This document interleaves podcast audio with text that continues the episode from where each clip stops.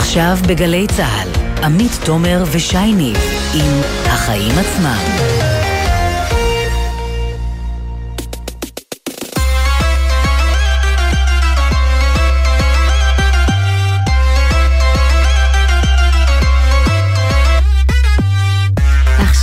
שש וארבע דקות, אתם על החיים עצמם, התוכנית הכלכלית-חברתית של גלי צה"ל, ואנחנו פותחים אה, שבוע חדש בסימן אה, פחות אה, פוליטיקה אולי, אחרי שהמשבר האחרון נרגע, נראה מה עוד צופה לנו השבוע הזה, וזה מפנה אותנו לכלכלה.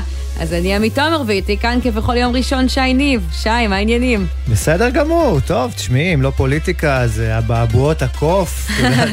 כל יום ששומעים על זה, מה כבר יכול להשתבש. פעם היינו אומרים 2020 תיגמרי כבר, ואז 2021, וזהו, אנחנו פשוט בתקופה מוזרה מאוד. סוריאליסטית לגמרי, כן. כן. טוב, אז באמת אחרי שחברת הכנסת אה, ג'ידא רינאוי זועבי הודיעה על פרישה מהקואליציה, היא כבר הספיקה לחזור לקואליציה. וזה באמת עוד תזכורת למצב הפוליטי השברירי. והנה, רק זה קרה, וכבר מדברים אה, די באופטימיות הייתי אומר, על תקציב נוסף ל-2023, הוא כבר על שולחן התכנונים. כן, ולזה יש גם הרבה מאוד אה, השלכות אה, כלכליות. בגלל הסיטואציה הפוליטית הרגישה הוא עומד להיות הרבה יותר יקר, כי לא רק באופוזיציה עושים שרירים, גם הממשלה, תכף נדבר על זה, ונעסוק גם באמירה של יושבת ראש קרן המטבע הבינלאומית, שאולי חמקה קצת מתחת לרדאר, אבל משפיעה על החיים של כל אחד ואחד מאיתנו, אם תיושם. היא אומרת שעל מדינות לסבסד לאזרחים עוד שירותים. נבדוק עם אבי שמחון, שהיה יושב ראש המועצה הלאומית לכלכלה, מה הסיכוי שזה יקרה. כן, וגם ננסה להבין האם בועת ההייטק אכן מתפוצצת מול עינינו. אנחנו נדבר בעניין הזה עם סמנכ"ל אמדוקס, וגם על המשבר באל על שמוביל לעוד ועוד ביטולי טיסות. ויאיר הירש, מנכ"ל משרד הפנים, יהיה איתנו על צעדים חדשים שנעשים שם על מנת לשמור על תואר המכרזים ברשויות הערביות. ובוא נאמר שזה לא תמיד קורה שם. כן, ונעסוק גם בפיפ"א, אני בטוח שזה ספציפית מעניין אותך מאוד. מאוד. ועם מה שנראה כמו סוף הדרך של משחק הכדורגל המיתולוגי, אחרי פרידה אה, בין פיפ"א עצמה לחברת EA ספורט. פרידה שכמובן שווה הרבה מאוד כסף. כן, ועוד עניין מיוחד היום במשדר שנביא עוד מעט, נצלול להסכמים בין משרד הבריאות לחברת פייזר, הסכמי רכישת התרופה לקורונה, שעד כה היו חסויים, אבל הם הגיעו לכתבת הבריאות על אור מאירסון, שמיד תגלה כמה כל זה עלה לנו ועוד. אז אה, יש הרבה עניינים בשעה שלפנינו, אבל קודם כל, שי, מה הכותרת שלך היום? טוב, הכותרת שלי היא cherry picking. את יודעת מה זה cherry picking? בוחרים את הפרי הטוב ביותר אם כבר משלמים עליו ביוקר? בדיוק, זה גריפת שמנת, תלוי, כן. לבחור משהו באופן סלקטיבי, נתונים למשל, ככה שהנתונים האלה שבחרת ישרתו את האג'נדה שלך. אה, רק אני חושבת על אוכל כל הזמן. גם אני. בקיצור, לשר האוצר שלנו, אה, אביגדור ליברמן, יש נטייה קלה לעשות את זה מדי פעם, וידידי דרור מרמור מגלופס שם לב שהוא עשה את זה גם בסיפור של המשכנתאות. הסיפור בקצרה, ליברמן שלף את נתוני היקף המשכנתאות החדשות בחודש אפריל האחרון, וטען שהירידה, לעומת החודש שקדם לו, משקפת צינון בשוק המשכנתאות, ועדות לכך, לכאורה, שהנה מחירי הדיור כבר בדרך למגמת בלימה. אממה, מרמור מזכיר לנו שבאפריל היה פסח, חג שמח, כן, הישראלים בחופש, עובדי הבנקים בחופש, מלא אפילו. למי יש כוח לקנות אה, דירה באווירה כזאת? זהו, וזה מה שתמיד קורה באפריל, כל אפריל. באפריל 2021, למשל, רגע לפני שליברמן בעצמו נכנס לתפקיד, סך המשכנתאות היה נמוך יותר מזה של אפריל האחרון, ועמד על 8 מיליארד ו-300 מיליון שקל. באפריל 2019, למשל, היקף המשכנתאות עמד אפילו על פחות מ-5 מיליארד שקל. זה רק ככה כדי לסבר את האוזן. אז במשרד האוצר, כמו במשרד האוצר, יושבים על הנתונים, הם חיים את המספרים האלה, ולכן קל להם גם לעשות מניפולציות כשזה משרת אותם. אה, מר מור נזכר, למשל, בזה שלפני שנה וחצי הם דיווחו שם במשרד האוצר בהתרגשות גדולה על ירידה דרמטית בהיקף היומי של מכירת דירות חדשות, מ-102 דירות בשבוע, בשבוע השני של יולי ל-42 דירות בלבד בשבוע האחרון של החודש. רק מה הם שכחו לספר? שהשבוע הזה שבו נרשם השפל אה, היה השבוע של תשעה באב, שבאופן מסורתי קונים בו הרבה פחות דירות. אבל מה כן. הרעיון? ליברמן לא קצת יורה לעצמו ברגל, כי הרי בחודש הבא נדווח אם ככה על עלייה במספר המשכנתאות, אז... אם ככה שופטים את זה, ואז השוק חזר לעצמו, ואולי התוכנית לא ממש עובדת. בדיוק, הנה הרמת לי, זו השורה התחתונה. כי כדי להבין באמת לאן הולך שוק הדיור, צריך קודם כל עוד קצת סבלנות, כן? ועד אז, טיפ לשר האוצר שלנו. בחירה סלקטיבית בנתונים מביאה אולי כותרות לרגע, אבל בטווח הארוך היא שוחקת את האמינות שלך עד דק. שזה לא הדבר הכי אידיאלי לפוליטיקאי שאולי, רק אולי, למרות הבשורות הטובות ששמענו ככה, טובות, תלוי את מי שואלים, כן? אולי יפגוש שוב בקרוב את הבוחר הישראלי. כן. מה הכותרת שלך? אז הכותרת שלי מגיעה מגרמניה, שם הפרלמנט החליט היום להתמודד בצורה יצירתית עם המשבר ברוסיה ואוקראינה, שקוראים למחירי הנפט לנסוק ואיתם לדלק להתייקר. זיהו שם את ההזדמנות והבינו שכשהדלק כל כך יקר, הנסיעה ברכב פרטי הופכת לפחות אטרקטיבית. אז במקום להקל לגרמנים על הכיס על ידי סבסוד הדלק, הם אמרו, בואו נסבסד לכם משהו אחר, תחבורה ציבורית. וככה בשלושת החודשים הקרובים אפשר לרכוש שם חופשי חודשי בתשעה אירו, שהם בערך 30 שקלים לחודש שלם של נסיעות באוטובוסים, רכבות מה שנקרא כרטיס משולב, הכל, כל אמצעי התחבורה. עכשיו זה מאוד זול גם ביחס לגרמניה צריך להגיד, כי המחיה שם משמעותית פחות יקרה מבישראל, אבל כך למשל כיום הכרטיס הזול ביותר לתחבורה ציבורית, רק בתוך הבירה, ברלין עולה יותר מכפול מההצעה הזאת, אז כרגע מדובר רק על שלושה חודשים ועל השקעה לא מבוטלת, שניים וחצי מיליארד יורו שייצאו אה, מכספי הממשלה, אבל בזמן ועם הכסף הזה מקווים בפרלמנט הגרמני להרגיל את הציבור לבחור בתחבורה ציבורית, ואומרים שיש לזה שתי מטרות, לסייע לגמול את המדינה מהאנרגיה הרוסית כלשונם, כלומר להיות פחות תלויים בנפט, שהרבה מהייצור שלו קורה ברוסיה ואוקראינה, וגם להתקרב לניטרליות אקלימית. שזה סיפור שכנראה ילווה אותנו גם הרבה אחרי שהלחימה אה, תסתיים. ולמה אני מספרת את כל זה? כי במסגרת הדיון, שתכף אנחנו ננהל פה על ההמלצה של קרן המטבע, לעזור לאזרחים ולסבסד שירותים שמתייקרים עכשיו בגלל המלחמה, צריך לדבר גם על מה מסבסדים ואיך. וזאת דוגמה טובה לאיך במצוקה קצרת טווח מנסים לייצר, אם כבר מוציאים את הכסף, תועלת ארוכת טווח, תועלת כן. אחרת. לא זורקים את הכסף ככה בצורה אה, אה, עיוורת במרכאות, אלא באופן שבו המשק אה, אה, הולך לפסים אה, אה, חיוביים.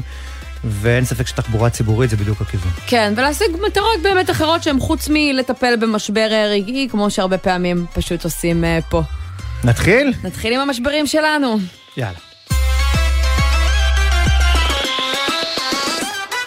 אז אנחנו פותחים עם מבט לכנסת, שם חברת הכנסת הפורשת ממרץ, אה, זועביק, חזרה בה וחזרה לממשלה, והדרמה הזאת אמנם מאחורינו, אבל בקואליציה כבר עמוק באתגר הבא, גיבוש התקציב, פחות מחודש נותר, עד שהממשלה תצטרך להציג אותו בכנסת, ואם חשבתם שלהעביר אותו שם ביחסי כוחות של 60-60 יהיה קשה, אז הנה תזכורת, גם בתוך הקואליציה לא מסתדרים כל כך בקלות. בימים האחרונים השרים וראשי המפלגות מציבים עוד ועוד דרישות, ויובל שגב, כתבנו הפוליטי, מצטרף אלינו עכשיו, ומספר לנו שגם הסכומים מתנפחים בהתאם. שלום. כן, כן, שלום לכם, ערב טוב. אז תראו, בשורה התחתונה בקואליציה, אם רוצים להביא אה, תקציב, וזה יהיה אתגר מאוד גדול במצב הנוכחי, יצטרכו אה, לדאוג לכמה וכמה חברי כנסת ומפלגות לדרישות שלהם, להשאיר את כולם מרוצים. גם ככה כבר עובדים מסביב לשעון. ראינו את זה גם עם אה, ריידר רינאוי זועבי, גם עם חברי רע"מ שחזרו מהקפאה, גם עם ניר אורבך והדרישות שלו, עובדים כל הזמן גם ככה כדי להשאיר את כולם מרוצים. תן לנו איזה דוגמה. איזה דוגמה, מי דורש מה? תראה, אנחנו מדברים על חלק מהסוגיות זה סוגיות שכבר אה, דיברנו עליהן, שהיו משברים כבר בכנס הקודם של הכנסת, למשל סוגיית החקלאות, דרישה של מפלגת העבודה, של חלק מיש עתיד, של חלק מכחול לבן. מדובר על כמה מאות מיליוני שקלים, סיוע ופיצוי לחקלאים שנפגעו או עשויים להיפגע מרפורמת החקלאות של אה, עודד פורר. יש דרישה של העבודה ומרץ בפן הסוציאליסטי להגדלה של קצבא, קצבאות זקנה, גם זה מוערך במשהו כמו אה, מיליון, אה, מיליארד סליחה, שקלים, ועוד הבטחה מאוד גדולה, גם של כחול לבן, גם של העבודה, גם של מרץ, גם זה בתחום הסוצ... הסוציאלי, אה, הכלכלי, חינוך חינם מגיל אפס, דבר שהעבודה אה, ממש שמה במצע שלה, וגם כחול לבן ומרץ ככה הצטרפו, גם זה מוערך בלמעלה ממיליארד שקלים, ואפשר להמשיך עם התיאורים והדוגמאות האלה עוד אה, הרבה מאוד. כלומר, זה מגיע התחתונה... למיליארדים רבים, שגב, אבל בהשוואה לשנה כן. רגילה, כי אתה יודע, תמיד השרים באים ודורשים בתקציב, שגם מה שחשוב להם ייכנס לסדר העדיפויות, זה לפעמים קורה פחות, לפעמים קורה או יותר, עד כמה כמות הדרישות ואולי גם הסכומים הם חריגים? כלומר, על מה אנחנו מדברים עכשיו לעומת בשנה רגילה? תראה, אני פשוט חושב שאנחנו עדיין לא יודעים הכל. אני מעריך שככל שנתקרב לתקציב, אנחנו נראה עוד ועוד דרישות עולות, עוד ועוד חברי קואליציה שעושים שרירים, עוד ועוד אה, אה, ניסיונות והצעות כספיות לחברי המשותפת אולי, כדי שלא יתמכו אמנם אקטיבית, אבל כן אה, אה, יימנעו בחלקם כדי באמת לאפשר את הרוב. תקציב לא דורש 61, דורש רוב רגיל, ולכן אה, הימנעות לצורך העניין של חלק מחברי המשותפת זה דבר שיכול מאוד מאוד לעזור לקואליציה, ואני מאמין שההצעות אה, אה, יעלו ויתגברו ככל שנתקרב למועד. כרגע מה שאנחנו מדברים עליו זה עדיין לא אה, סכומים סופר חריגים ברמת אה, דרישות קואליציוניות, ברמת אה, מדיניות שאנחנו רגילים שמפלגות מבקשות, אבל זה כנראה יטפח עם הזמן. צריך להגיד, יש לקואליציה עד מרץ 23 להעביר תקציב נוסף, אבל השאיפה היא להעביר אותו כמה שיותר מוקדם לכנסת. יש לכך שתי סיבות, הראשונה היא כמובן לאפשר לממשלה להתקיים לאורך זמן, להבטיח לה איזושהי יציבות והתקיימות בלי להיות תלויה בתקציב, והדבר השני, וזה מתקשר לנושא המקורי שלנו, זה לדאוג אה, שכל חברי הקואליציה יהיו מרוצים, שכל אחד יוכל להשיג, להציג איזשהו הישג לציבור שלו, וככה אולי אולי נראה פחות אה, חרמות בצורה כל כך תדירה כמו שאנחנו רואים בשבועות נ, האחרונים. נדמה לי שהלו"ז המועדף על הממשלה הוא העברת התקציב בממשלה במהלך חודש יולי, ולהעביר אותו סופית בכנסת מתישהו בספטמבר, נכון?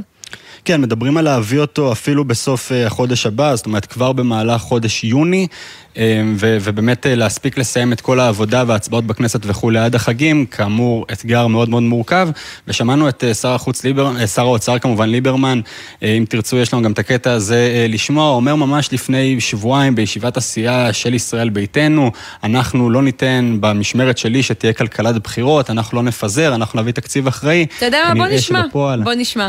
ליברמן. כן. אני רוצה להזכיר שב-2019, טרום קורונה, שאז התנהלה כלכלת בחירות, אנחנו היינו בגירעון של מדינת עולם השלישי, 3.7 אחוז. מי שחושב שאנחנו נראה תופעת קניבליזם בתקציב הזה טועה. אני לא אתן יד, לא במשמרת שלי, לא תהיה פה כלכלת בחירות. אז לסיום, אה, יובל, אתה שומע את הדברים האלה של שר האוצר, אתה רואה מה קורה בשטח, אה, בכנסת, אתה מסתובב שם לא מעט. ליברמן עומד במילה שלו? ההערכה שלי היא שהוא לא יצליח לעמוד במילה שלו, אני לא יודע את מי יאכלו במהלך אותו קניבליזם, אבל uh, כלכלת בחירות ברמה כזו או אחרת לפחות, אנחנו כמובן כמובן נראה כאן, בהנחה כמובן שהממשלה הזאת תצליח לשרוד עד למועד של העברת התקציב המצופה מבחינתה. אוקיי, יובל, תודה, ונצרף עכשיו את... ולדימיר בליאק, אה, בליאק, סליחה, חבר הכנסת שמרכז הקואליציה בוועדת הכספים מטעם אה, סיעת אה, יש עתיד, שלום לך. שלום, ערב טוב. אז uh, הנה, אתה בעצמך דורש uh, מאגף התקציבים במשרד האוצר סכום uh, uh, לא מבוטל, כן, של כ-450 מיליון שקל, uh-huh. כדי ליישם את החזון שמוביל, uh, ככה מספרים לנו ראש הממשלה החליפי יאיר לפיד, בין היתר עבור uh, uh, מיליון ישראלים uh, להייטק, אותה תוכנית uh, uh, שאפתנית. ועוד עניינים כאלה ואחרים של הורדת רגולציה לעסקים קטנים וכולי. כן, דורש הרבה יותר מ-450 מיליון שקלים, זו דרישה אחת לעצמאים, להייטק אתם כבר דורשים עוד חצי מיליארד שקלים. נכון. בקיצור, זה הולך נכון. ומצטבר שיקל איתך אפילו. אז מה, תגיד, מה אתה אומר על זה? כלומר... זה לא קצת הרבה כסף בסיטואציה כזאת כשלכל אחד יש דרישות משלו? תראו, זה לא, זה לא הדרישות שלי, אני חושב שאנחנו מובילים את הנושא של רשת ביטחון סוציאלית לציבור העצמאים עוד ממערכת הבחירות, ולצערי זה לא נכנס לתקציב הקודם. אם זה לא הדרישות שלך, זה הדרישות של מי?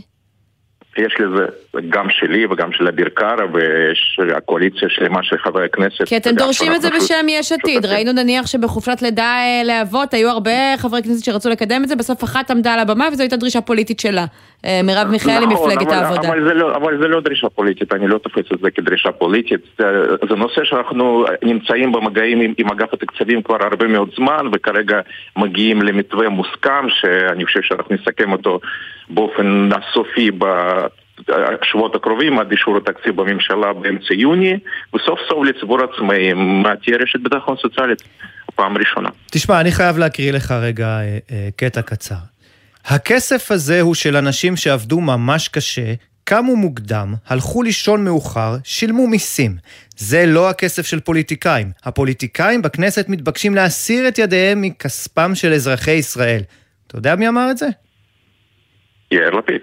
יפה, נכון, כך הוא פתח כן, את נאומו, נכון, מעל נכון. לבימת הכנסת ב-2020, כשהוא הציג אז את הצעת החוק שהגיש נגד חלוקת כספים קואליציוניים. הוא חשב שזה סחיטה, שזה דבר שלא לא יעלה על הדעת, והנה, מה ההבדל? שוב זה קורה, הפעם כשאתם בשלטון.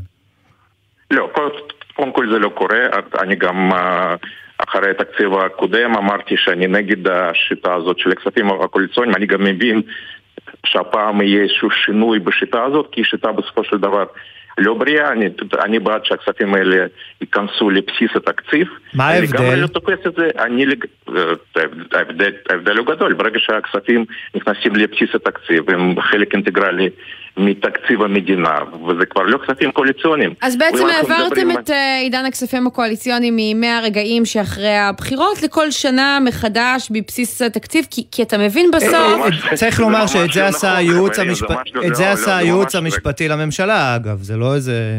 זה, זה ממש, זה שוב, אתם מובילים את זה ל- לאיזשהו נושא של כלכלת הבחירות. קודם כל אין בחירות, אז אין פה שום כלכלת בחירות. ושוב אני אומר, זו לא דרישה פוליטית. אנחנו עוברים תהליך מקצועי, אני אגב, אה, אני איש הכספים, אני בא מהשוק הפרטי, אני רואה חשבון. אני מוביל את הנושא של רשת ביטחון לעצמאים כבר הרבה מאוד חוד- חודשים בהליך מקצועי מול אגף התקציבים. אותו דבר אה, בנושא הי- הייטק, אותו דבר אגב בנושא של העלאת הקצבאות זקנה שרצינו לעשות את זה שוב, גם בתקציב אבל הקודם. תגיד, ב- ב- בהרבה לא מאוד שנים לא אנחנו. רואים... אוקיי. לא יתאפשר. אנחנו נעשה את זה הפעם, ושוב, אנחנו עוברים תהליך מאוד מקצועי, מאוד שקוף מול משרדי הממשלה. נגיע לסיכום, התקציב יגיע לממשלה, יגיע לכנסת, נאשר אותו. מה שאתה אומר זה שאם בסופו של דבר יחליטו שסדר העדיפויות הוא שונה, וזה קורה כל שנה, זה קרה נגיד אה, שנה קודם עם אה, חופשת לידה לגברים, שהייתה, כמעט הגיעה לישורת האחרונה של התקציב, והייתה גם דרישה פוליטית, ובסוף החליטו להסיר אותה. כלומר, אם יחליטו שבסדר העדיפויות אה, אה, של משרד האוצר, ההייטק אה, והעצמאים הם במקום נמוך יותר מדברים אחרים, למשל בעקבות המצב אה, בין רוסיה אה, ואוקראינה, סבסוד כל מיני דברים שצריך, יוקר המחיה, אתם תסירו את אה, דרישתכם. כמובן, אנחנו גם אה, שותפים לממשלה, זו קואליציה מורכבת, אנחנו מנהלים משא ומתן. ברור שיש בכל אה, תקציב סדרי עדיפויות. משתנים, אגב, אה, זאת הייתה אחת, אחת הבעיות. בתקופה של שלוש שנים חיינו פה בלי תקציב. סדרי עדיפויות משתנים כל שנה, וזה לא בא לידי ביטוי במסמך הפיננסי הכי חשוב למדינה. כן. אגב, אני, אני חושב שהיום, במצב שאנחנו אחרי שנה ברמה מקרו-כלכלית עם הצלחה פנומנלית, ואנחנו בצמיחה של 8% עם גירעון שירד כמעט לאפס בתקציב הזה של 2023. יש לנו פה הזדמנות אדירה באמת להוריד את ההצלחה לרמה של המיקרו, לרמה של כל אזרח, להוריד את יוקר המחיה. אה, בעצם לזה באנו. וכאן, דווקא בתקציב הזה, אני רואה הרבה מאוד הזדמנויות להיטיב עם אזרחי מדינת ישראל. אז בוא נצא רגע מהפריזמה של יש עתיד וה, והדרישות שלה. באופן כללי, בתוך הסיטואציה הפוליטית המורכבת, כשאתם מגבשים את, ה, את התקציב, אה, אה, כמה אתם מרגישים שככה כמות הדרישות יותר אה, גדולה, ואולי לא רק מצד הקואליציה, כאילו, האם הכוונה שלי, יש חברי כנסת מהאופוזיציה שבאים בכל מיני דרישות, סיעות, מפלגות, ועכשיו יש יותר מחשבה איך אפשר להכניס גם את הרצונות שלהם לבסיס התקציב כדי להעביר את התקציב הזה? יש משא ומתן, אני שוב, אני לא, לא, לא חלק מהנהלת הקואליציה, אז אני, אז, אז אני לא יודע הכל, אני חושב שגם הדברים עדיין לא סגורים, כי יש עוד שלושה שבועות עד אישור התקציב בממשלה. Uh, ואנחנו בודקים כל מיני אפשרויות, אבל שוב, הכל במסגרת תהליך שהוא שקוף ומקצועי, וכמו ששר האוצר, uh, השמעתם אותו, אותו, נכון? לא, לא נפזר את הכסף, לא תהיה פה כלכלת הבחירות, אנחנו נשמור גם על ההישגים שהגענו אליהם בשנה האחרונה, וככה זה... בסדר גמור, אנחנו נמשיך לעקוב. חבר הכנסת ולדימיר אה, בליאק מיש עתיד, מרכז הקואליציה בוועדת הכספים, תודה רבה. אני מודה לכם, תודה. ואנחנו uh, נשארים uh, ב- באזור, uh, אבל מסתכלים עכשיו על המתיחות בין רוסיה לאוקראינה, אמנם היא קורית מעבר לים, אבל אנחנו כבר מרגישים אותה בכל פעם שאנחנו יוצאים לקניות, בסופר, הלחם, הקמח, הבשר ועוד ועוד מתייקרים בגלל הזינוק במחירי החיטה אפשר להגיד בעצם שחלק חלק לפחות מהאינפלציה העולמית שאנחנו רואים אה, בתקופה האחרונה, באמת זה נגזרת של אותה אה, מלחמה באוקראינה. נכון, וזה מגיע לדלק וזה מגיע אה, להכל. ועכשיו ראשת קרן המטבע העולמי אומרת, זה אירוע כל כך חריג, שאי אפשר לצפות מהציבור לשאת את ההשלכות שלו לבד, או לפחות לא מכולם, והיא קוראת היום בריאיון ל-BBC לממשלות לתת סובסידיה ישירה לאזרחים העניים שתסייע להם להתמודד עם אה, עליות המחירים. אה, ואנחנו רוצים לדבר בעניין הזה עם אה, אבי שמחון, לשעבר יושב ראש המועצה הלאומית לכלכלה. ערב טוב. שלום לכם, אבל את יודעת, לפני זה אני שמעתי מה, את הקצה של הרעיון הקודם, וברגע שאומרים תקציב, אצלי נשרפים הפיוזים. כי הוא אמר, לא, לא היה תקציב, שלוש שנים לא היה תקציב, שטויות במיץ עגבניות. אני רוצה להגיד שבשמונה שנים האחרונות של ממשלות נתניהו, המחירים עלו ביחד, מצטבר, כמו בעשרה חודשים של הממשלה אה, הזאת. פרופסור שמחון, בכל זאת, הנה אתה רואה, אומרת גם אה, ראשת קרן המטבע, זה לא עניין של פוליטיקה, זה עניין אה, גלובלי. אני מניחה שבעולם ממשלות מתחלפות בקצב אחר, כלומר, נראה לי שזה לא רק עניין פוליטי ושל מי מנהל את הממשלה. למרות שאנחנו מעריכים את הנאמנות שלך, זה כן. בהחלט, כן. עזוב, עזוב, בוא, בוא, בוא נדבר על עובדות ולא בסיסמאות. ואם אתם רוצים לדבר על דיור, אז בארבע השנים האחרונות של נתניהו, המחירים עלו במצטבר בארבע שנים, mm-hmm. כמו בתשעה חודשים של הממשלה הזאת עם התקציב המפואר שלהם. כן, ואם, ואם, ואם, ואם נתחיל את הספירה מ-2008... די כבר להאשים את הממשלות הקודמות, די להאשים את הממשלות הקודמות במחדלים הנוראים של הממשלה הזאת, שברובם הם התנהלות חובבנית. אגב, מחירי דיור, אני לא חושבת ש... כן, בשנה אחת של פעילות רואים תוצאות של מה שממשלה עושה, אני יכולה להבין את הטענה, כך או כך, אין ספק שהמחירים... אז א', את טועה. העלייה הזאת של המחירים היא כולה מעשה ידיה של הממשלה הזאת, בגלל שהמחירים עלו בגלל ציפיות שנוצרו על ידי אה, שר האוצר המפואר והרע מאוד שלו. עכשיו אתם רוצים שנגיע ל-IMF? רק לא שמענו של מי היה רע מאוד כי היית מקוטע. אה, סליחה. התקציב הרע מאוד של שר האוצר ליברמן. ואת... אבל עכשיו בואו נגיע לאמת. לא, אבל רגע, לא, לא, זה דווקא מעניין, חכה, נגיע גם אה, לקרן המטבע. הנה, נו, אנחנו אוהבים את הפיוזים שלך, אתה יודע. מה שקורה פה. כן, כן, אנחנו אוהבים את הפיוזים שלך. אז תשמע, שוב, אני... אבל לא, לא, רגע. אבל בוא נשאל גם כמה שאלות. מ-2014, מ-2014 ועד ליוני של 2021, המחיר, העלייה המצטברת במדד המחירים לצרכן, זהה לעלייה בעשרה חודשים האחרונים מאז שהתחלפה הממשלה. זה נתון מדהים. אבל גם מדהים. בארצות הברית לא התחלפה הממשלה וזה נראה ככה, ובבריטניה לא התחלפה הממשלה וזה נראה ככה. כלומר, לא, אבל, לא גם, אבל, ש... אבל אבי שמחון לא סתם סופר מ-2014, כי, כי את יודעת, ב-2009, ב-2009 הנתונים לא היו משהו, וגם ב-2010, אחר כך התחלנו לראות עלייה. אגב, רק לצורך העברה, אנחנו לוקחים פה את הצד השני, כי אנחנו מדברים איתך, כלומר, אני לא חושבת שכל מה שהממשלה הזאת עשתה הוא בהכרח אה, מושלם, כן? אנחנו גם מבקרים את זה לא מעט. לא רגע, הוא התחיל להגיד שאני צודק. המחירים עולים בטירוף, ואת אומרת שזה לא מושלם. בסדר גמור. אני אומרת שאפשר לעשות כך... אה, יותר כדי אה, להתמודד עם הסיטואציה, ושהסיטואציה הייתה כנראה נגרמת אה, כך או כך גם בשלטון של כל פרסונה אחרת, ואני לא מדברת כאן... סליחה, אני לא מסכים איתך לחלוטין. אני חושב שהממשלה הזאת היא ממשלה של חובבנים, שלא יודעים איך לנהל אותה. האמת היא, אני מוכרח להגיד לכם שאני מאוכזב מליברמן, כי הוא כבר היה השר של הכל, אבל באמת שאנחנו רואים את ההישגים שלו, שהוא היה שר הביטחון, שהוא היה שר התשתיות, שהוא היה שר החוץ, אז למה אנחנו מתפלאים כשאנחנו מסתכלים על ההישגים שלו בתור... כן, לא, לא, לא נראה לי אה, שמישהו אה, מופתע לשמוע שזאת עמדתך, אבל אתה יודע, בוא נשאל את זה ככה, אם היית היום יושב ראש המועצה הלאומית אה, לכלכלה, כשהמחירים עולים כמו שהם עולים בגלל רוסיה ואוקראינה, ואני מתייחסת עכשיו לתשומות, וככה בוא נגיד בעיקר למזון, כי אני חושבת שזה מה שהכי נוגע כרגע לכל ישראלי ביום-יום שלו, מה היית עושה כדי לפתור את המשבר הזה? אז, אז, אז אני אענה לך. דבר ראשון, הדבר הראשון שצריך לעשות, זה להגיד, בגלל שעליית מחירי הנפט בעולם, וזה נכון, מחירי הנפט אה, עלו בעולם בצורה משמעותית, בגלל שזה בגלל המלחמה ובגלל שזה כנראה זמני, ואני מאמין שבסוף מחירי הנפט יחזרו להיות איפה שהם היו, בואו נקפיא אותם. אנחנו גובים הרבה מאוד מיסים על דלק. בואו נחליט שאנחנו חוזרים למחיר הדלק שהיה לפני, נגיד באוגוסט, 6.35 אה, שקלים לליטר, mm. אנחנו מקפיאים את זה. מוותרים על שלושה, ארבעה מיליארד שקלים מהמיסים שאנחנו גובים על דלק, אבל בתמורה אנחנו נגיד לעסקים, כמו שאנחנו מקפיאים לכם את העלות של האנרגיה, אתם מקפיאים את המחירים. אתה כיושב ראש המועצה הלאומית לכלכלה, בזמנו הצעת לעשות את זה? שנייה אחת, אני רק רוצה להזכיר לכם שליברמן, אחרי שבהתחלה הוא אמר, ואני לא ממציא פה דברים, הוא אמר את זה והוא מוקלט.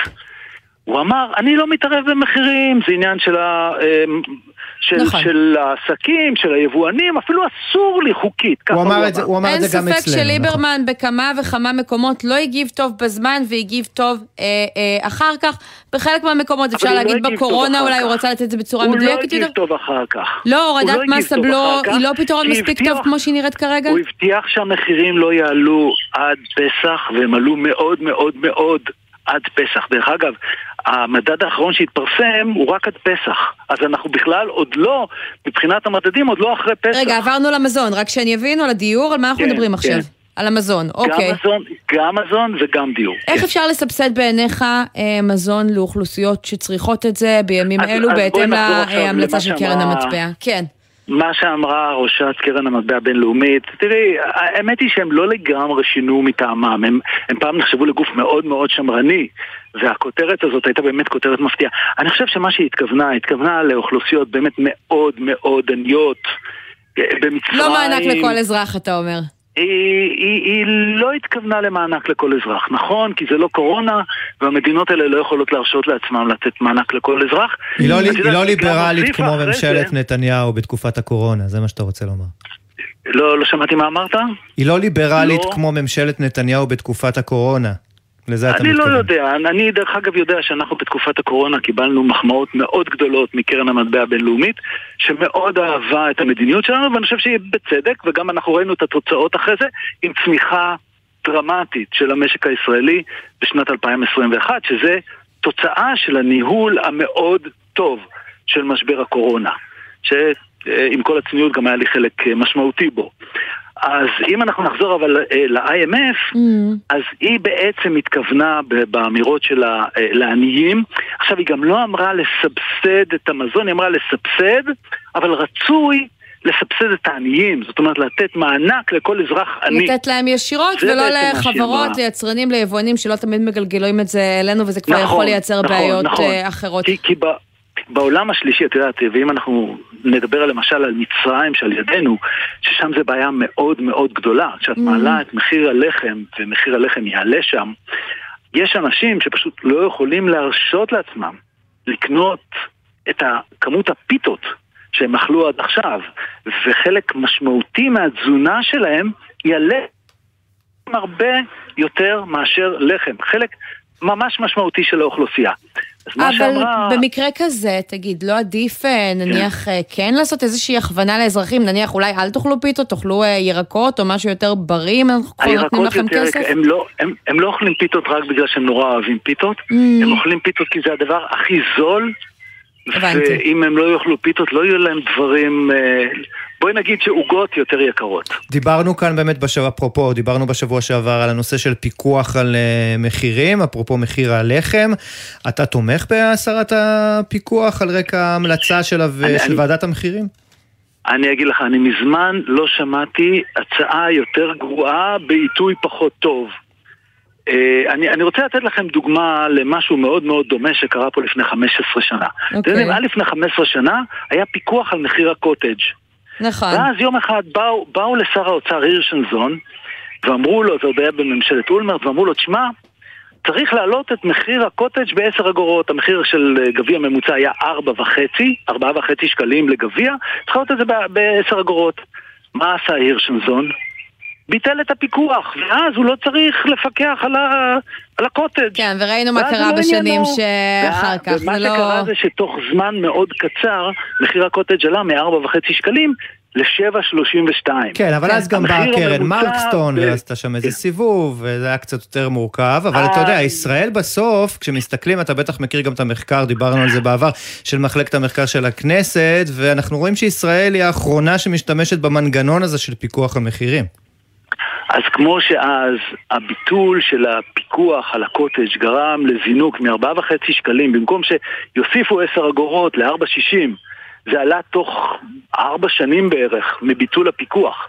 זה עלה ל-7.30, כך יקרה אותו דבר עם הלחם. והסיבה לזה היא שבניגוד לארצות אחרות, יש פה מעט מאוד ספקים כן. שלא מתחרים זה בזה. אז לסיום ברמה האופרטיבית, כי בזה ספקים- אתה מסכים עם הממשלה הנוכחית. בדוגמה הזאת של הלחם אה, בפיקוח, אם אתה רוצה להקשיב אני- להמלצת אה, קרן המטבע, ואיכשהו לעזור כשהמחירים יצטרכו לעלות בצורה כזו או אחרת אה, לעניים. ביותר, איך עוזרים להם לקנות לחם כן. במכולת? אז צריך לסייע לאנשים על ידי זה שבאמת אה, מוודאים שהקצבאות שלהם מתעדכנות בהתאם לעליית המחירים. אה, זה, זה אפילו די קל במדינת ישראל, כי יש לנו פה בירוקרטיה טובה, אה, או, את יודעת, להגיד בירוקרטיה טובה זה נשמע כמו אוקסימורון, אבל בואי נגיד שאנחנו מאוד מאוד מנוסים בעניין הזה של עדכון קצבאות. למרות שבזמנו. אמרת שלתת אה, לפלח מסוים באוכלוסייה אה, מענקים, זה לא כל כך פשוט. לא, אנחנו אף פעם לא נתנו לכל אזרח סכום של 750 שקל. זה לא עשינו אף פעם. ולייצר מנגנון שעושה את זה, זה באמת היה מאוד מאוד מסובך. אז אתה אומר אפשר לייצר קצבאות- מנגנון עכשיו בזמן קצר קצבאות- שייתן אה, למי לא, שצריך זה את בדיוק זה. העניין, שאת לא- את לא צריכה לייצר מנגנון, כי כבר עכשיו יש מנגנון, והוא נותן קצבאות, והוא עושה את זה בערך 50 שנה, ולכן אין, אין פה בעיה של לייצר מנגנון חדש, זה קל מאוד. זה קל אוקיי. כמעט כמו להגדיל את מספר נקודות הזיכוי להורים שיש להם ילדים בגילאים 6 עד 12. שאת זה ובאמת, הולכים, אה, לעשות בקרוב. בתקופה של כן. הממשלה הקודמת, כשרצו לעשות את זה, זה לקח שבוע, בתקופה של הממשלה הזאת זה לקח שלושה וחצי חודשים. אי אפשר בלי עקיצה לסיום, פרופסור אבי שמחון. אני אה, רק מדבר על עובדות, מה עקיצה? ותבוא תמיד עם הפיוזים קצת שרופים, אנחנו אוהבים אותך ככה. תודה. להתראות. כמה תשדירים, נירגע קצת ונחזור.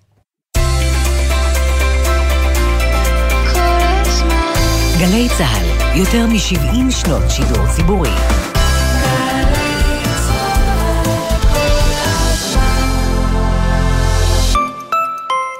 קיה במבצע לעמיתי מועדון חבר. ספורטאז' החדש, סורנטו, סלטוס, סטוניק, פיקנטו ויתר דגמי קיה עכשיו בתנאים בלעדיים לעמיתי מועדון חבר. המבצע בתוקף עד 7 ביוני. לפרטים כוכבי 9920 או באתר מועדון חבר. sabes.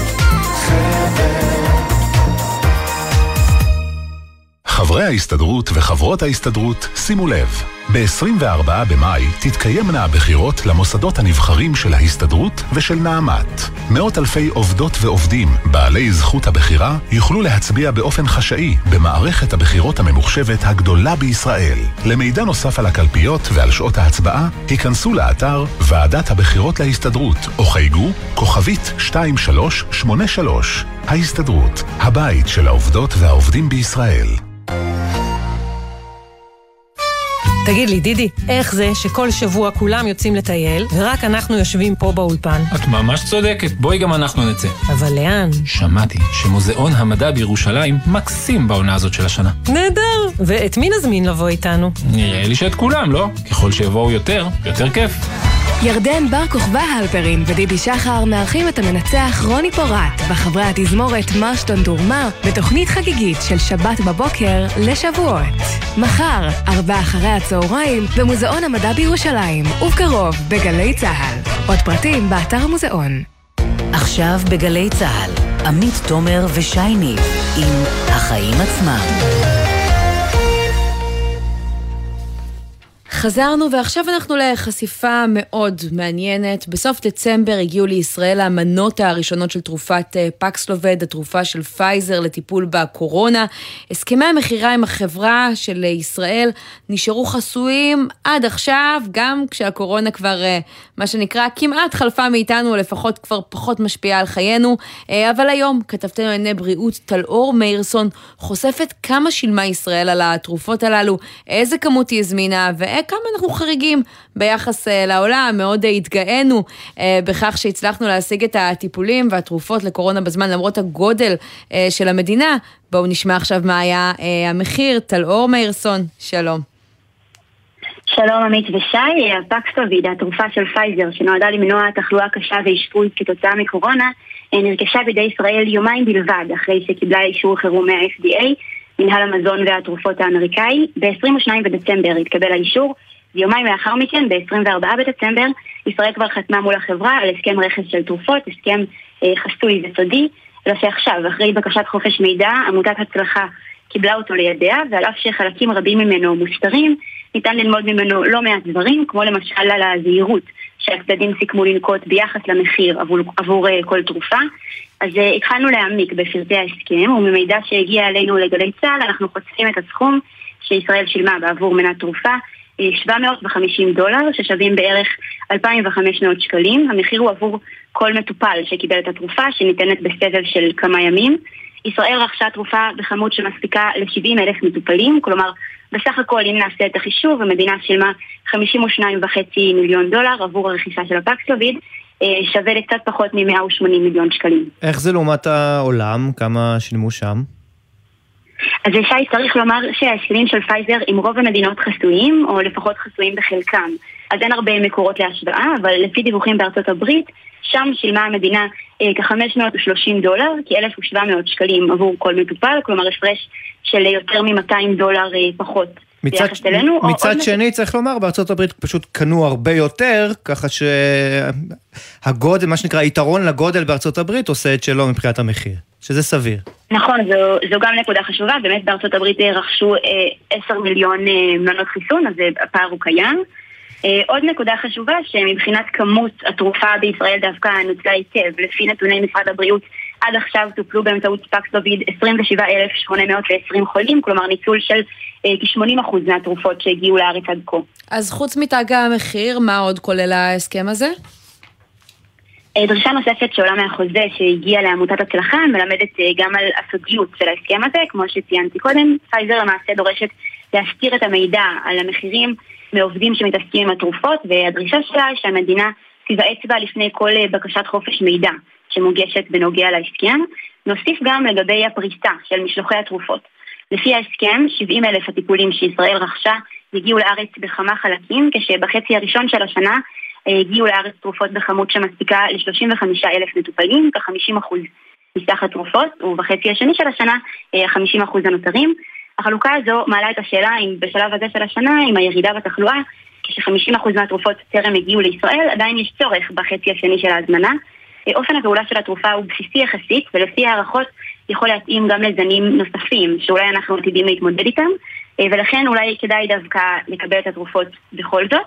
אה, גם בארצות הברית נגיד, החלוקה היא כזאת שהם קיבלו עד עכשיו רק אה, חצי מהמנות שהם הזמינו ויקבלו בחצי השני את השאר, אז אה, גם במובן הזה אולי אנחנו לא חריגים כל כך. מה אומרים במשרד הבריאות על החוזה הזה שאת חושפת כאן? אז באמת פנינו אליהם במטרה להבין את הצד שלהם ולקבל פרטים נוספים, וכשהתגובה שלהם תתקבל אנחנו כמובן נדאג להביא גם אותה. בסדר גמור, אה, טל אור, אז רק נחזור על הכותרת שאת מביאה 750 דולר לכל מטופל, שזה 200 דולר יותר מארצות הברית. את חשפת פה את אה, הסכם רכישת התרופה אה, פקסלוביד נגד קורונה מפייזר, מספרים מאוד מעניינים. ואולי בהמשך, כשנוכל באמת ככה לגלות עוד פרטים לגבי מדינות נוספות, כי אני מניחה שגם העולם הולך בכיוון הזה, נבין עוד יותר טוב עד כמה אנחנו חריגים, אבל אין ספק שמדובר בסכומים מעניינים. תודה, טלור. תודה לכם.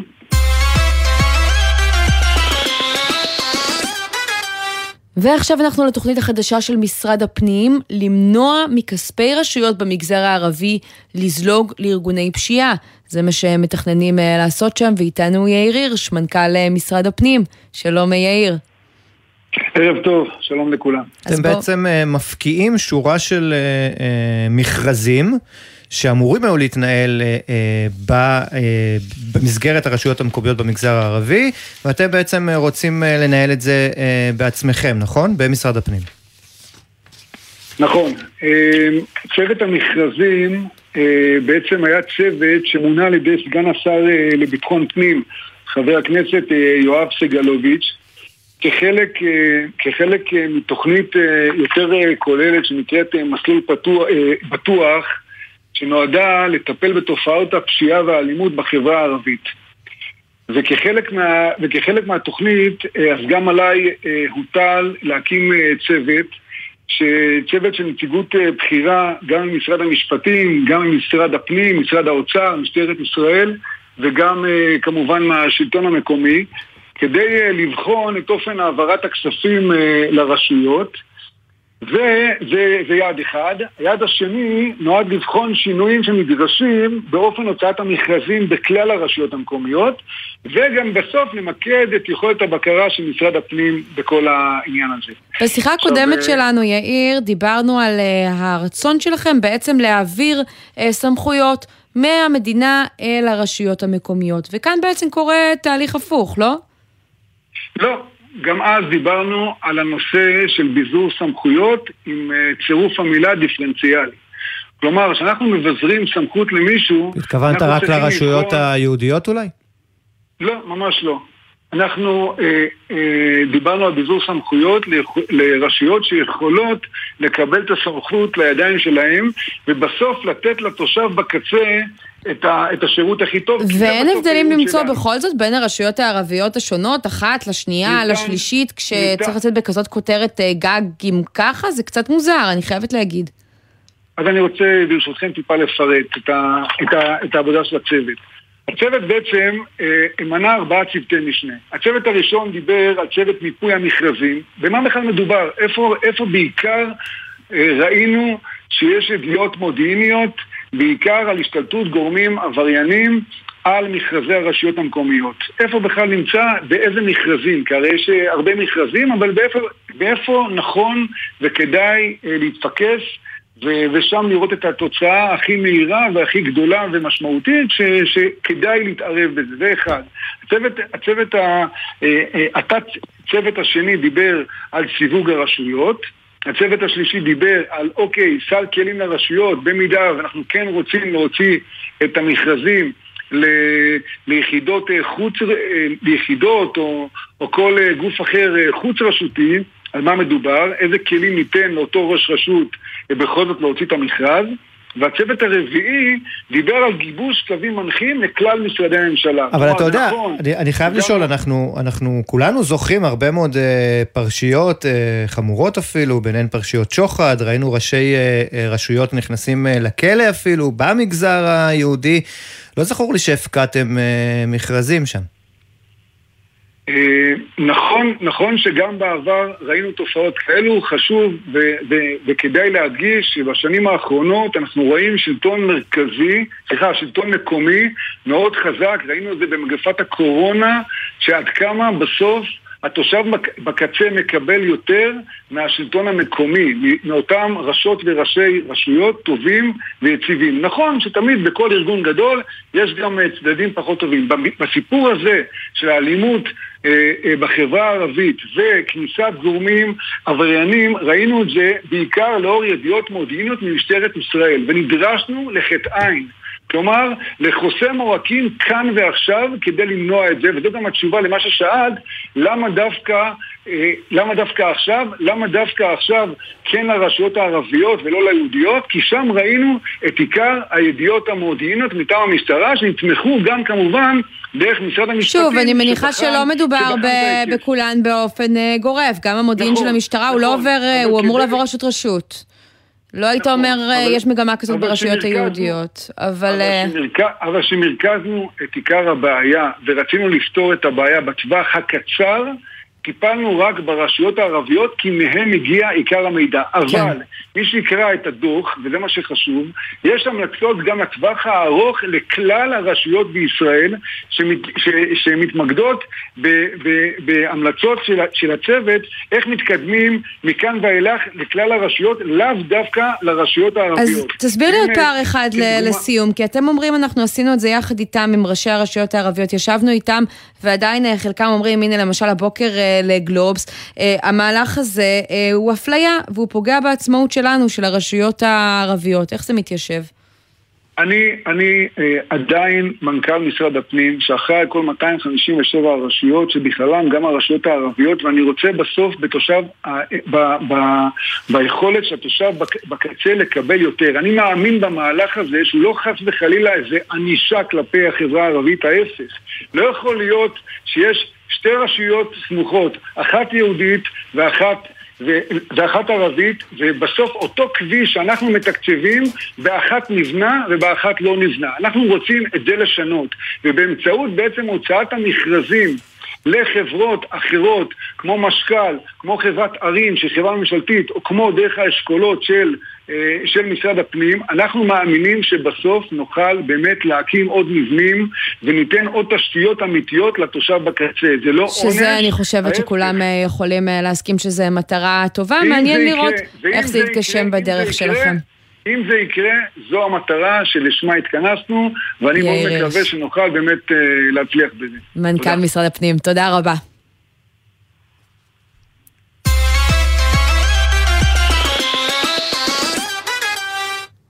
עכשיו אנחנו לאל על, שם אה, סכסוך העבודה אה, נמשך כבר אה, שבועות, ובינתיים אנחנו, הנוסעים, הטסים לחו"ל, משלמים את המחיר. עינב קרנר, כתבתנו לענייני תעופה, איתנו על הקו, ואת עינב מספרת על עלייה חדה במספר התלונות נגד חברת אל על, על כמה אנחנו מדברים. נכון מאוד, אה, עמית ושי, ערב טוב לכם. אז אנחנו באמת אה, בדקנו מול אה, עמותת תעופה נבונה, שהיא בעצם מסייעת לכל אותם הצרכנים שנתקלים בכל הקשיים מול חברות התעופה, והיא היא בעצם אומרת לנו שבעשרת הימים האחרונים התקבלו עשרות פניות בנוגע לביטולי הטיסות. ראינו ביטולים, ביטולי טיסות כאמור של בטווח של בין 6 ל-9 שעות, זאת אומרת באותו היום של הטיסה אה, לאותם הנוסעים, ומדובר כאן על עלייה של מאות אחוזים, בין 200 ל-300 אחוז ביחס לימים רגילים, בהחלט מספרים אה, גבוהים. אה, מה שכן אפשר לומר בעניין הזה, שכרגע נודע לנו שיש איזה שהם מגעים בין הטייסים לבין הנהלת אה, אל על כדי לנסות אה, לשבור את המשבר הזה ביניהם ולהחזיר את הטיסות אה, למסלולם הרגיל. כאמור, יש המון טיסות שהן לא מיואשות, מאוישות, ולכן יש פה עומס מאוד גדול, אה, ולכן גם הטיסות שאנחנו שומעים עליהן מבוטלות יום אחרי יום. רק בשבוע האחרון בוטלו יותר מעשר טיסות, וזה בהחלט מספר מאוד מאוד גבוה. וכן נגיד לסיום ובקצרה, חשוב שהצרכנים ידעו את הזכאות שלהם. זאת אומרת, חברה שמבטלת טיסה, קודם כל, לפי אה, חוק הגנת הצרכן, היא מחויבת להחזיר את דמי הטיסה, בנוסף לתת פיצוי, הפיצוי נע בין 1,300 שקלים אם זו טיסה קרובה של כשעה, נגיד יוון, וזה יכול להגיע ליותר מ-3,000 שקלים, אנחנו מדברים על הטיסות הארוכות יותר אה, לתאילנד. ניסינו גם לקבל את תגובת אל על בנושא, אבל עד לרגע זה לא קיבלנו את תגובתם, ואנחנו כאמור נמשיך לעקוב, ובתקווה כן, שהנושא אבל עינב, בינתיים את. אה, מדברת גם עם הנוסעים ואת התגובות שלהם קשה לפספס. בואי נשמע לסיום כמה קולות שאת מביאה. ביטלו לנו את. הטיסה חזרה מווינה תשע שעות לפני הטיסה, בלי אפשרות לקבל משהו חליפי, הטלפונים של אל על לא ענו, הזמנו טיסה חליפית שעצרה במינכן לשעה, עלתה לנו 2,350 שקל, ואנחנו מתכוננים לתבוע את כל זה מאל על. וזו דוגמה בודדת אחת למשהו שאני חושבת שהרבה מאוד אנשים אה, מרגישים, ובתוך המגעים העסקיים צריך לקחת גם את זה ואם בחשבון. אפשר לחלץ כותרת חיובית מהדיווח הזה של אה, כתבתנו עינב קרנר, זה שאנחנו שומעים ככה על מגעים בין העובדים להנהלה, ונקווה שזה לקראת נכון. סיום. עינב קרנר, הלוואי. תודה רבה.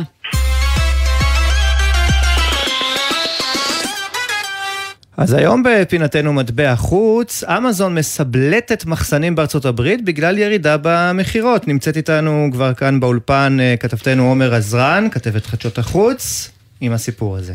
אהלן עומר. שלום לשניכם. אז בעוד שבתקופת הקורונה אמזון נהנתה מזינוק חד במכירות המקוונות, עם הדעיכה של הקורונה הגיעה גם דעיכה בביקוש, מה שהוביל את החברה לכושר ייצור גבוה מדי במחסנים שלה בארצות הברית. זו הסיבה שהיא מתכוונת להעמיד לשכירות משנה, סאבלט, חלק מהמחסנים, בשטח כולל שיותר מ-900 אלף מטר רבוע, היא עשויה גם לפנות חלק מהמחסנים. הבעיה הזו של כושר ייצור עודף היא בעיקר במחסנים בניו יורק, ניו ג'רזי, דרום קליפורניה ואטלנטה. אנחנו יודעים אם זו תקופה זמנית של דעיכה, או שהמזון מתכוננת אה, לטווח הארוך פה?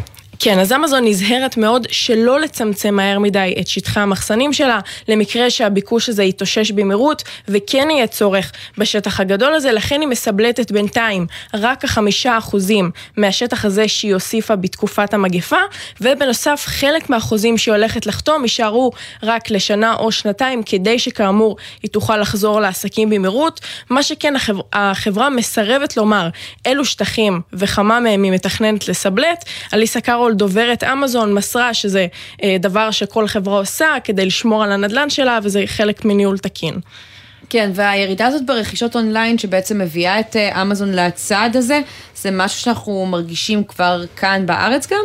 אז אנחנו רואים גם כאן ירידה בקניות, הישראלים באינטרנט במהלך החודש וביחס לחודשים הקודמים, גם ירידה באתרים כמו אמזון ואלי אקספרס, גם צמצום בהזמנות ברשתות שיווק ופארם, ירידה בהיקף הזמנות אוכל, ומה שמעניין לראות הוא שכנראה ההסבר לירידה הזו מיוחס להתחזקות בהזמנות של מוצרי תיירות, הישראלים טסים לחו"ל וקונים פחות באינטרנט, כך לפחות עולה מהנתונים של חברת שופס אנליטיק. טוב, אני זוכרת שאמזון דיברה על אולי מתישהו לפתוח כאן מחסנים, כן. אחסון. עכשיו לא נראה לי שזה יקרה, אבל לפחות אין לה את הבעיה למצוא סוחרים אה, חלופיים. עומר עזרן, תודה רבה. תודה. EA Sports, it's in the game. מכירה? מה קרה באולפן עכשיו? זה, זה אומר לך משהו? לא, לא ממש כלום? לא. EA ספורט, פיפא. כן, אני מניחה שאני אני מבינה מה עומד לקרות פה, אבל אה, אני פחות מחובבי הז'אנר, חייבת להודות. עוד מעט יש אה, מונדיאל גם. כן. טוב, אז אה, בגדול EA ספורט ופיפא, שאחראית על הליגה המוכרת בכדורגל, כן?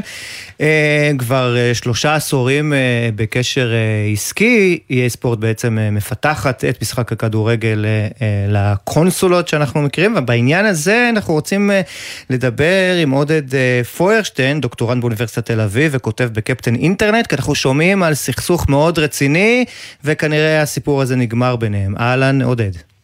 היי, מה שלומכם? נשאר לנו ממש אה, רגעים ספורים, אז ככה תן לנו את השורות התחתונות, מה קורה שם? כן. אז השורה התחתונה, אחרי באמת אה, שותפות עסקית מאוד מאוד מאוד רווחית לשני הצדדים, מה שקרה זה שפיפ"א באה לאלקטרוניק ארטס, EA, וביקשה מהם לחדש את החוזה, אבל להכפיל ולשלש את הסכום של ה... ש... ש-EA משלמת לפיפ"א על הזכות להשתמש בשם שלהם. אז EA אמרו תודה רבה אבל לא תודה, ולראשונה מזה באמת, מאז 1994 לא הולך להיות אחרי 2023 לא הולך להיות משחק פיפא בפיתוחה של אלקטרוניק ארט. יש כבר uh, חלופה? זהו, אז EA כבר הכריזו שכמובן הולך לצאת פיפא 23 בשנה הבאה, אבל לאחר מכן הם הכריזו שהולך להיות uh, מה שנקרא EA Sports FC, שזה יהיה פחות או יותר אותו משחק, עם אותן, uh, עם אותן ליגות, אבל בלי המיתוג של פיפא. פיפ"א מצידם עשו uh, You can't fire me, I quit, מה שנקרא, ואמרו, uh, אנחנו uh, הולכים לקחת את המותג שלנו ולתת אותו לסטודיו אחר שהולך לעשות קצת מזכיר את פיוסטי ונסטי, אחד נשאר עם המתכון, אחד נשאר עם השם, נראה מי ינצח. זה, זה בדיוק הסיפור של פיוסטי ונסטי, בדיוק, אחד לאחד. טוב, נשמע בשורה התחתונה באמת שבמקום שיהיה משחק אחד, יהיו לכם שניים, אז מי שאוהב את זה, אולי אפילו תרוויחו מזה בסוף. עודד פוירשטיין, תודה רבה. תודה לכם. ונגיד תודה גם לבן נצר, העורך שלנו, לעשהאל פלט, תומר ברקאי ויואב מאיסי שהפיקו, טכנאי השידור היה גלעד בלום, ואיתו גם אה, אורי ריב, ובדיגיטל, מאיה אורן, שי ניב, תודה רבה. תודה עמית תומר, היה כיף, כרגיל. מחר יהיה כאן סמי פרץ, ותהיה גם החלטת ריבית, יום גדול לכתבי הכלכלה, אז תבואו.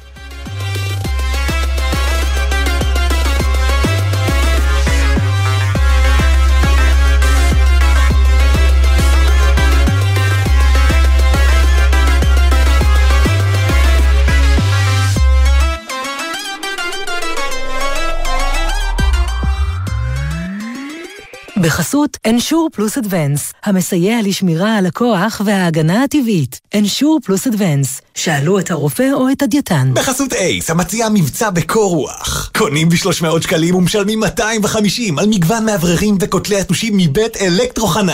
בסניפים ובאתר אייס. גלי צה"ל, יותר מ-70 שנות שידור ציבורי.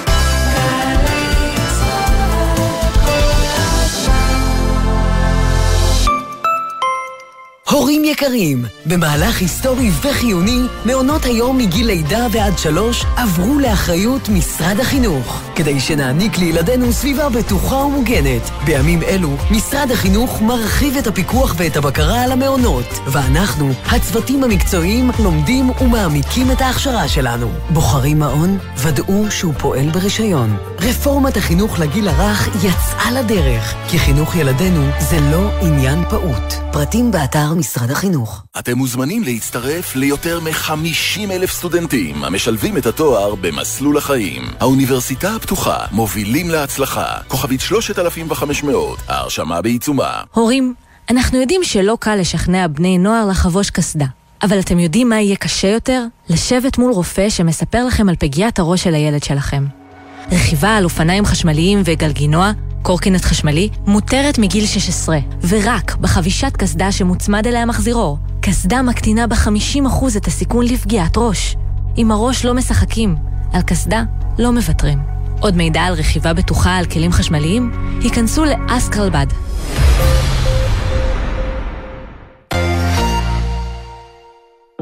משוטטים חדי קרן בנגב? מה מחפש כוח אפור בבור? ומי מנצח בהיתקלות בין שועל לחבורת שפני סלע? גלי צה"ל ורשות הטבע והגנים מכניסות אתכם לסבך המקומי בעונה חדשה של הסכת ארץ ישראלי מצוי לאוהבי חיות, טבע ובני אדם. הסכת ארץ ישראלי מצוי עכשיו, באתר וביישומון גלי צה"ל ובכל מקום שאתם מאזינים להסכתים שלכם. מיד אחרי החדשות, נורית קנדי.